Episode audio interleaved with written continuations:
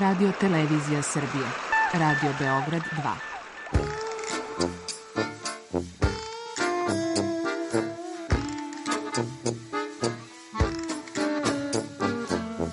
rekli su mi, gospodine, vi ste promašili temu. Pa ja sam onda promašio život. I ne znam šta će da bude sam. Kaže, ja ne mogu više te čuvam. Šta da ti radi, kaže, snađi se kako znaš.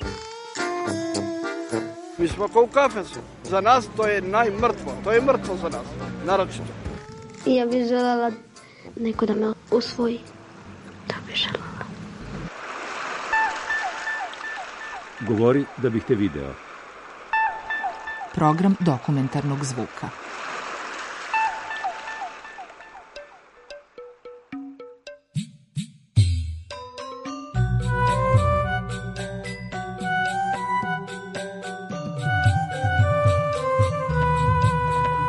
Ja sam Ivančica Belić, profesor sa matematike.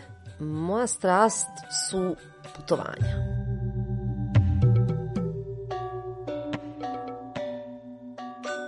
Žela bih danas da vam pričam o Indoneziji, o Baliju, koji me je toliko opčinio i fascinirao. Već sam dva puta bila u razmaku za manje od tri godine i toliko me opčinila sama zemlja, Indonezija, da sam krenula da učim njihov jezik, konkretno Bahasa Indonezija. I svaku rečenicu i reč koju pročitam iz tog jezika kada učim, prosto me vrati tamo.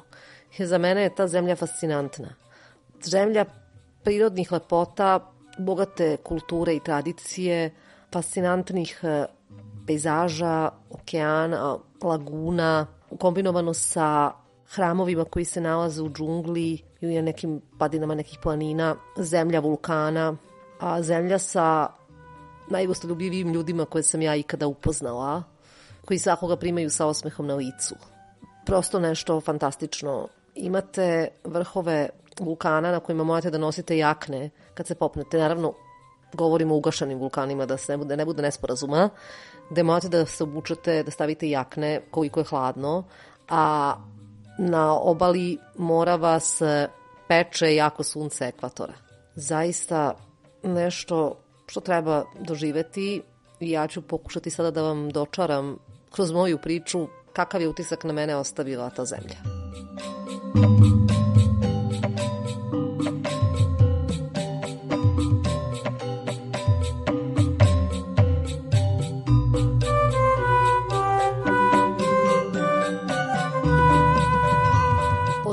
momenta kada slatite na aerodrom Nura Rai, kad prođete pasošku kontrolu i kad izađete, a, susretate se sa magičnom košnicom Azije. Jer prosto vidjet ćete sijaset motora koji su natovareni, čovek je nosio pokretnu vitrinu sa prodajom hrane na motoru ili vidite na motoru koji ima 50 kubika i koji da bi kod nas evo jedan čovek i vozio se, vidite celu porodicu od njih četvoro, gomilu automobila, kamiona i to sve vrvi na sve strane, zuje na sve strane, prolaze, idu, ali svi prolaze. I uopšte, neverovatno je da tamo nema sudara, da tamo nema trube. Vozi se u svim mogućim i nemogućim pravcima, u jednosmernoj ulici normalno da će da se vozi dvosmerno. Ali će svi da prođu. Jedan će se pomeriti malo ulevo, drugi će se pomeriti udesno i svi će na kraju proći. I to vas prosto osvoji u prvoj sekundi kada kročite na to tlo vidjet ćeš prvo nasmejana lica. Mnogo, mnogo, mnogo nasmejanih lica, puno turista, svi negde jure, ali nigde ne osetiš nikakvu agresiju ili neki bes ili neke poglede neprimerene upućene prema tebi. Mislim, prvo ću vas naravno kada se vidite da ste se pojavili sa koferima i da ste izašli iz terminala, pojavit će se gomila taksista koji će da vam nude prevoz. Tu naravno valja biti oprezan zato što se podrazumeva da ste posle dugih sati, neprospavanih sati dugačkog leta od, sa ko zna ko kraja planete stigu i ovde, da nećete u tom momentu znati koliko realno košta vožnja do nekog mesta i naravno ćete da vam prvom momentu naplate stostruko više, ali to njihovo stostruko u odnosu na neke cene u Evropi nije neka značajna cifra.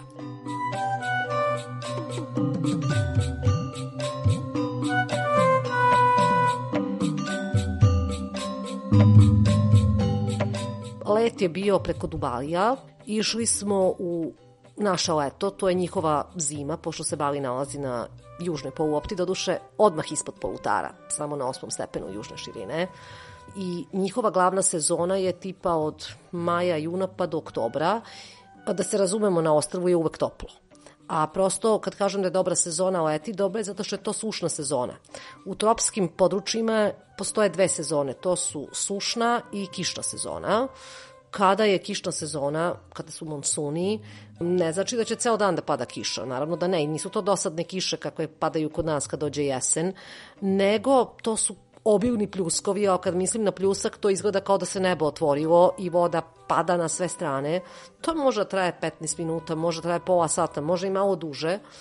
I posle toga se opet sve odjednom razdani, sine sunce, voda koja se tu skupila i koja je do malo čas tekla u rekama i pravila poplavu polako otekne i sve se opet vrati kao da se to nikad nije dogodilo. Svi koji su bili mokri za pola sata postanu suvi, ali onda se to tako opet ponovi i prosto nije, ne kažem da treba izbjegavati Bali u zimskom periodu, ali prosto ako hoćete samo da uživate da, da doživite da možete svugde i da odete i da svaki dan iskoristite maksimalno, treba izabrati leto.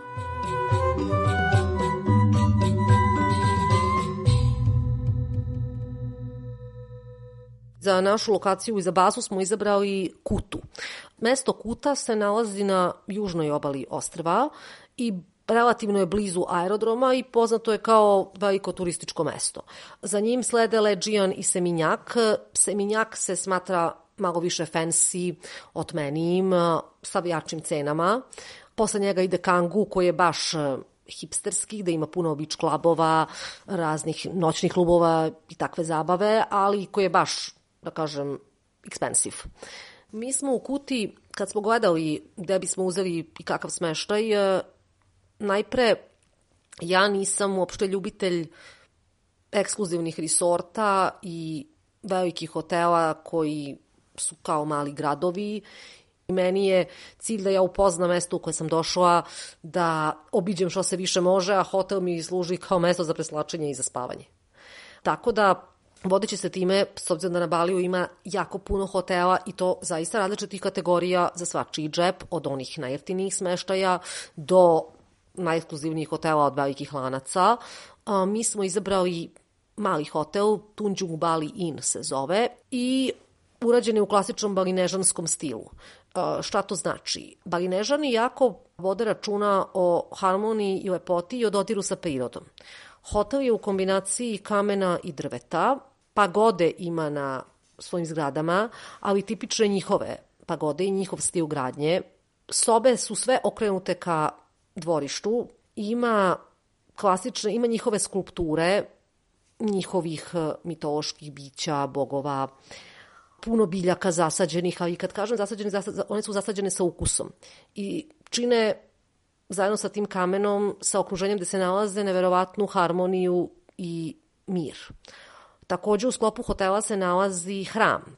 Na Baliju svaka kuća, svaka prodavnica, svaki hotel poseduje hram, jer Balinežani su jako duhovni ljudi.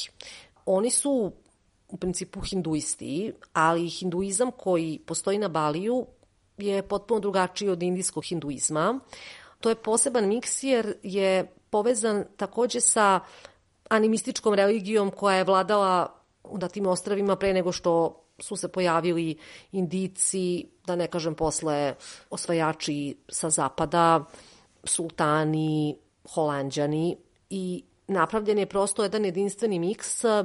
Oni imaju svakodnevne rituale koje izvode i svakodnevne molitve. Jedan od rituala koji imaju su korpice sa cvećem. To su ponude bogovima. To su korpice od bambusovog lista napravljene, gde se nalazi po nekoliko cvetića, malo pirinča ili neki keks, možda neka kovanica njihovih rupija i mirišljavi štapići. I te korpice se ujutro su već spremne, to se poeta i pravi celu noć, to je spremno ujutro i nalazi se na različitim mestima na podu, na primjer u hotelu, se nalazi sigurno na 5-6 mesta na podu postavljenih, uglavnom možda kod nekih skulptura i obavezno na ulazu u sam hotel i posebno se dve ili tri takve korpice donose u taj kućni hram, da ga tako nazovem, imaju takođe jako puno festivala i jako puno dana koji njima nešto znače, kao na primer Purnama, to je noć kad se slavi pun mesec. Takođe imaju Nijepi Day, i to je bio dan tišine. To se dešava u martu mesecu i tada, bukvalno, na Baliju ne možete vidjeti ni jednog lokalca indonežanina na polju. Taj dan ljudi sede u svojim kućama, u svojim prostorijama, u mraku, zamrače prozore i to je dan koji je posvećen tišini, meditaciji i molitvama. Sutradan već počinje sve da živi. Mi smo imali priliku da to je bilo prilikom našeg drugog odlaska na Bali, vidimo njihovu proslavu Galungana i Kuningana. Koliko smo mi razumeli, Galungan i Kuningan se odnose na njihovu novu godinu, koju oni slave po kalendaru, na svakih u svojih 210 dana se slave Galungan i Kuningan. I tada, raz, razmak među ta dva praznika je desetak do 15 dana. Prave se veliki, na bambusove štapove, koji su jako visoki, po 2-3 metra, to se zove penđor, oni stavljaju različite ukrase i time su okićene sve ulice, svaka kuća. Onda kreće bubnjevi po gradu i po mestu, prolazi kao mala procesija gde idu njihovi ljudi obučeni u tradicionalne nošnje, koji lupaju u bubnjeve, a za njima idu deca, dečaci koji su prerušeni u jednu, nazovite, dvogrbog konja ili životinju, koja ima iskežene čudne oči crvene boje i oni tako pevaju i lupaju u bubnjeve i u još neke instrumente i tako staju gotovo ispred svake kuće, lupaju i nastavljaju dalje. Time isteruju zle duhove. I kad doživite tako nešto, zamislite ovako, smira i dana je, zalazak sunca, vi pijete neko osvežavajuće piće, da li na plaži, da li ste negde u gradu, da li možda u vašem hotelu, svira vam neka muzika, čujete vrevu ljudi i uz to čujete, a pogotovo kad padne veče, to je još izražajnije, čujete te zvukove bubnjeva koji vas odvode prosto u neko davno vreme. I znate da se nalazite na nekom mističnom mestu, ne znate uopšte kada i gde, ali kao da ima neki prizvuk starih vremena. E, takođe, ko hoće da vidi njihove te svetkovine u punom sjaju, treba da ide u njihova sela koja se nalaze u dubini ostrva, to je regija Ubuda i Džianara i dalje na sever, jer u njihovim selima se to može najbolje videti. To su velike procesije, same pripreme, figura kada se iznose, žene su obučene u njihovu tradicionalnu nošnju, koja bi otprilike bila nose čipkane bluze sa rukavima i sa širokim pojasevima stegnutim u struku i sarong. Sarong je njihova, da kažemo, kao u Indiji sari. To je komad tkanine koji može biti bogato oslikan u jarkim bojama do zemlje, koji se vezuje oko struka i ima preklop tako da možete normalno slobodno da hodate i sarong vam je obavezan kad ulazite u neki hram na Baliju, a ima ih dosta, treba da obučete sarong. Ako nemate vaš, ga niste kupili kao suvenir, imate tamo na ulazu, oni će vam dati da to obučete i treba da pokrijete ramena.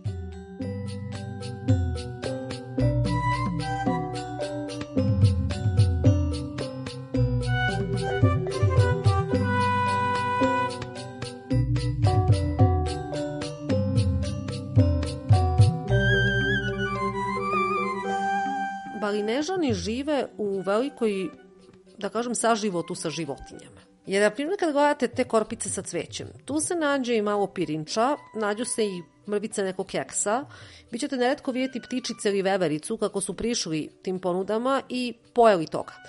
Oni jako vole životinje i žive u skladu sa njima. Imate ulične psena koji se nalaze na plaži i ali to nisu naravno čopori pasa, koje lokalci vole i koji su jako pitomi i mirni. Mačke bukvalno ne možete da osetite.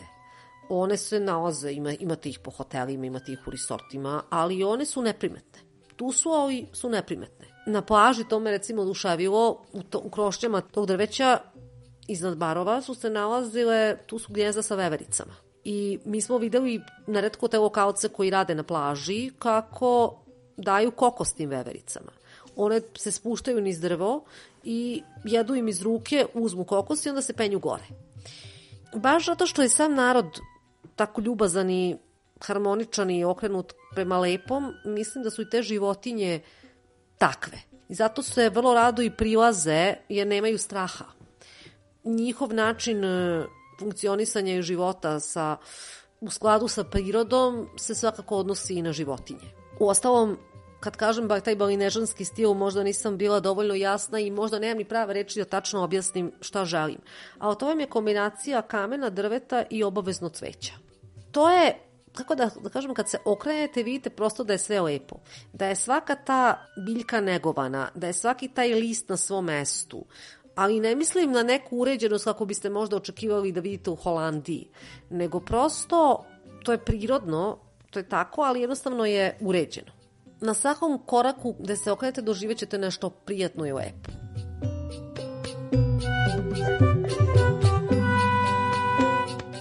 Kuta je do 30 godina bilo jedno ribarsko mesto sa uskim ulicama, jedno selo. Leđijan je bio, to se vidi na slikama, možete vidjeti na slikama ako nađete neku, a bilo je taj čuveni Leđijan koji je sada izgrađen, gde, gde sve šljašti i vrišti od neonskih svetala, od hotela, restorana, prodavnica, diskoteka, bio je seoski put da su bile prizemne kuće i onako jedan duh prošlog vremena.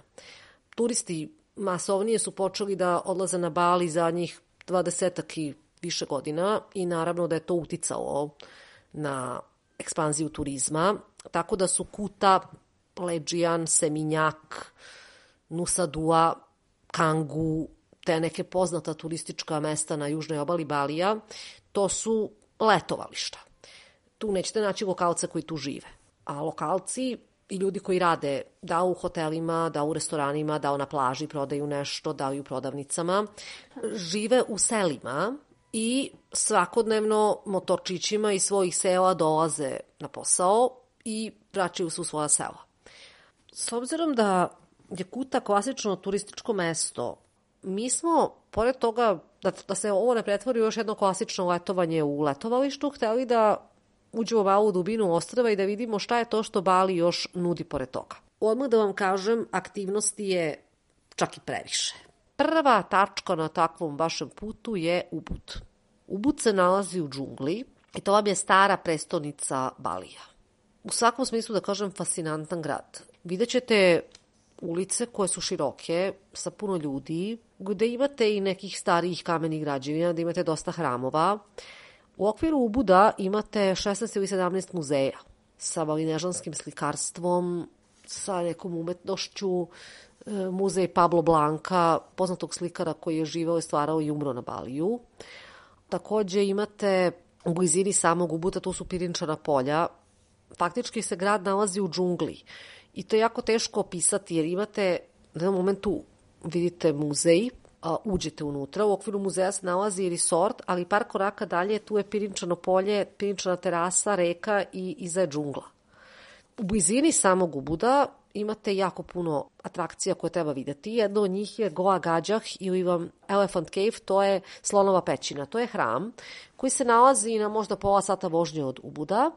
Da biste došli do hrama, spuštate se stepenicama, jedno 200-300 stepenika, neću sada da kažem tačno da ne bi ispalo da lažem, kameni stepenika, spuštate se naniže, sa jedne vaše strane vidite gustu vegetaciju i čujete huk vodopada koji se tu nalazi, a sa druge strane već vidite dole klasičan hinduistički hram.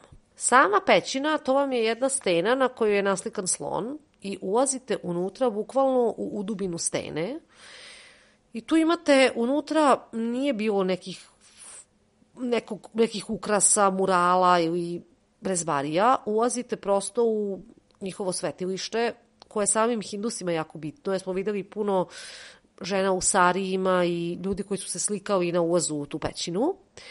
To obiđete, Izađete, tu vam je inače hram i tu vam se nalazi isto jedan bazen gde su šarani i gde je njihova sveta voda. Jer tokom nekih njihovih rituala oni imaju ta sveta kupanja.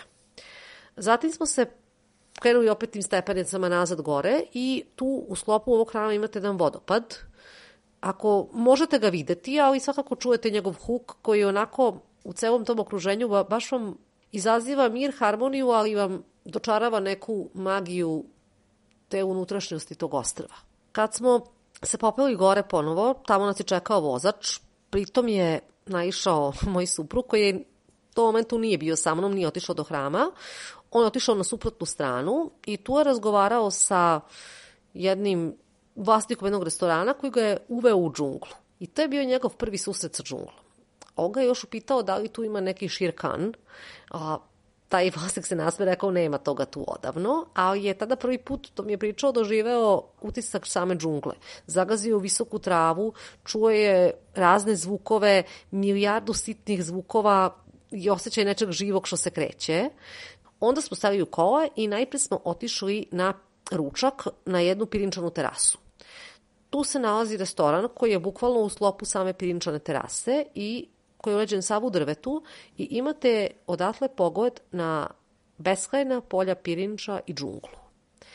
Vazduh koji osetite je zaista opojan. Nebo koje vidite je čudno.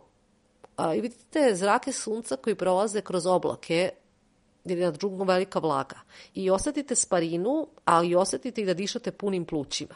A ti zeleni pejsaži na vas deluju nestvarno. Opet osjećate taj mir i gledate oko sebe, a pogod vam puca na 360 stepeni pun krug i ne znate gde biste pre pogledali i šta biste pre hteli da zapamtite. Opet kažem, ta boja neba je nešto što je zaista tu fascinantno. U jednom momentu je bilo jarko plavo, bez jednog oblačka i gledate zelenilo pirinčanih polja i savršenu, njihovo savršenu uređenost i te terase koje se salivaju i slivaju jedna niz drugu a okružene džunglom i čujete u daljini huk nekog vodopada i reke koji ne možete da vidite od gustine vegetacije.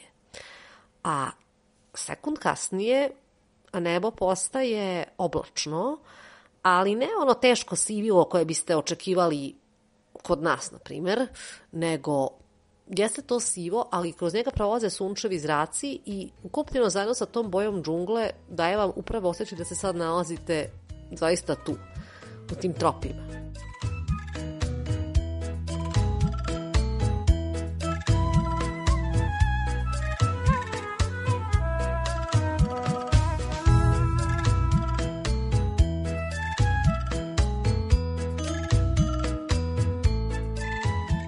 Jedan od prizleta koji je na mene ostavio posebno onako uspomenu i koga se rado sećam je poseta Bešaki hramu koji se nalazi u podnožju planine Agung to je njihov aktivni vulkan i to je majka svih hramova na Baliju, to je njihov centralni hram. Kao i u što je slučaj sa svim hramovim, hinduističkim hramovima na Baliju, možete ući samo u određene delove hrama ako niste hindu vere, ali je i to sasvim dovoljno da steknete utisak šta je to, kako to izgleda, a delovi gde se oni mole i gde oni imaju svoje obrede, to ostaje samo njima. Na ulasku u hram čekali su nas muškarci obučeni u njihove tradicionalne nošnje i to su nam bili vodiči jer otprilike rečeno da je bolje da idete u hram sa vodičem. A, nas je sačekao jedan balinežanin sa vrlo solidnim znanjem engleskog jezika i lagano je krenuo dok smo išli da nam objašnjava o starosti hrama, o tome kako su neki delovi hrama obnovljeni zato što je, je stradao i u zemljotresu, i u ratovima kojih je bilo i da su obnavljali određene delove hrama i pokazivao nam je čak razliku između cigli, šta je originalno, šta je ono što je kasnije dodato da bi se popravilo. I tom prilikom smo, razgovarajući sa njim, malo stekli uvid i u sam život e, Balinežana sada, koji se odvija u njihovim selima gde, gde, gde oni najviše borave. Pričao je konkretno o tome kako on kad je bio dečko i kad je bio mlad, išao je iz škole kad je dolazio nazad u svoje selo, išao je pravo na polje da pomogne roditeljima u polju Pirinča. Ako nema potrebe da pomaže tog dana roditeljima, otići će da pomogne komši. I kad smo ga pitali da li je to uobičajena praksa, da li se to tamo da li, da li oni tako žive u smislu toga da pomažu jedni drugima, odgovor je bio pozitivan da. Ako roditelji idu da rade, na primjer u nekom od letovališta na Baliju, baka i deka su nalaze u polju i rade drugi posao. U tom slučaju, decu, ako nema ko da čuva, ako nema stariji brat ili sestra, i ako i oni već radili su u školi, decu čuvaju komšije. Kod jednog komšije se tada nalazi recimo deca iz cele ulice, hajde tako da se izrazim, i jako pomažu jedni drugima i brinu jedni o drugima i čuvaju se međusobno. Ako recimo neka žena izgubi muža ili izgubi porodicu i ostane, na primjer, sama sa detetom ili izgubi ili dete ostane, ne da Bože, siroče, o tom detetu onda brinu komšije. Takođe, ako je ta žena recimo ostala sama, zajednica joj pomaže i da nađe posao, i donose joj hranu, i čine sve da njoj i njenom detetu bude dobro. Prosto imaju veliko srce i to su ljudi koji pomažu jedni drugima i to rado čine. I jako vredni ljudi. To su ljudi kojima je rad nešto što se podrazumeva što je normalno i oni to ne vide kao neki teret. To je prosto sastavni deo njihovog života. Pričao je sveštenik kako svoju decu uči da ne treba da toliko razmišljaju o tome da li će imati najnovije mobilne telefone, najnovije, najbolje patike, jer prosto to nije njihov svet. I da treba da uče, da treba da idu da pomažu, a ove druge stvari šta treba i kad treba već će doći do toga. Ali prosto njihova cela filozofija i način života su usrećeđeni da na zajedništvo, na to da budu jedni sa drugima i kroz pesmu i kroz igru i da su dosta su socijalizovani međusobno a neke stvari kao što su tipa televizija, telefoni, da kažem, savremen način života kod nas i uopšte u zapadnom delu sveta, njih još uvek nije dotaklo, niti oni uopšte žele da ih dotakne. Nemojte da je pogrešno shvatite, svi oni imaju mobilne telefone i preko njih obavljaju i poslove i reklamiraju se i svoje usluge, tipa ako su vozači, naćete ga na Instagramu, nudit će svoje ture. Sve to naravno funkcioniše, ali oni mislim da tu tehniku koriste na taj način da ona služi njima, a nisu postali robovi savremenog načina života i nisu postali robovi društvenih mreža, telefona i surfovanja po internetu.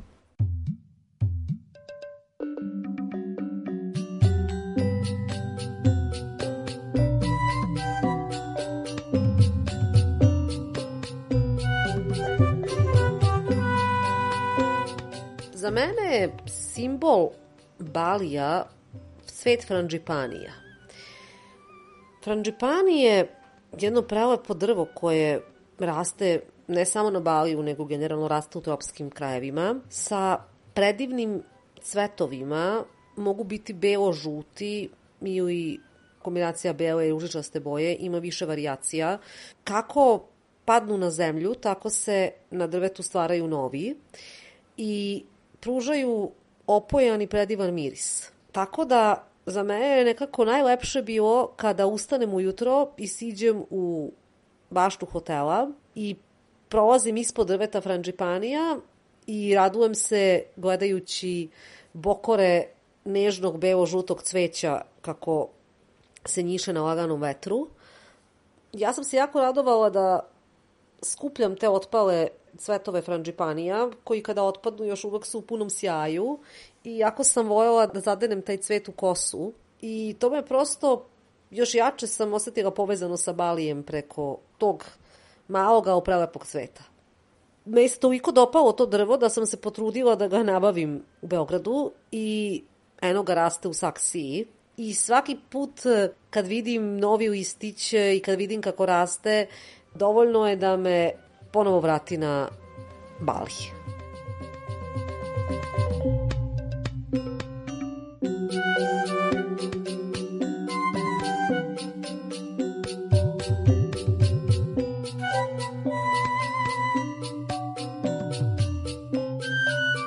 U reportaži govorila Ivančica Belić.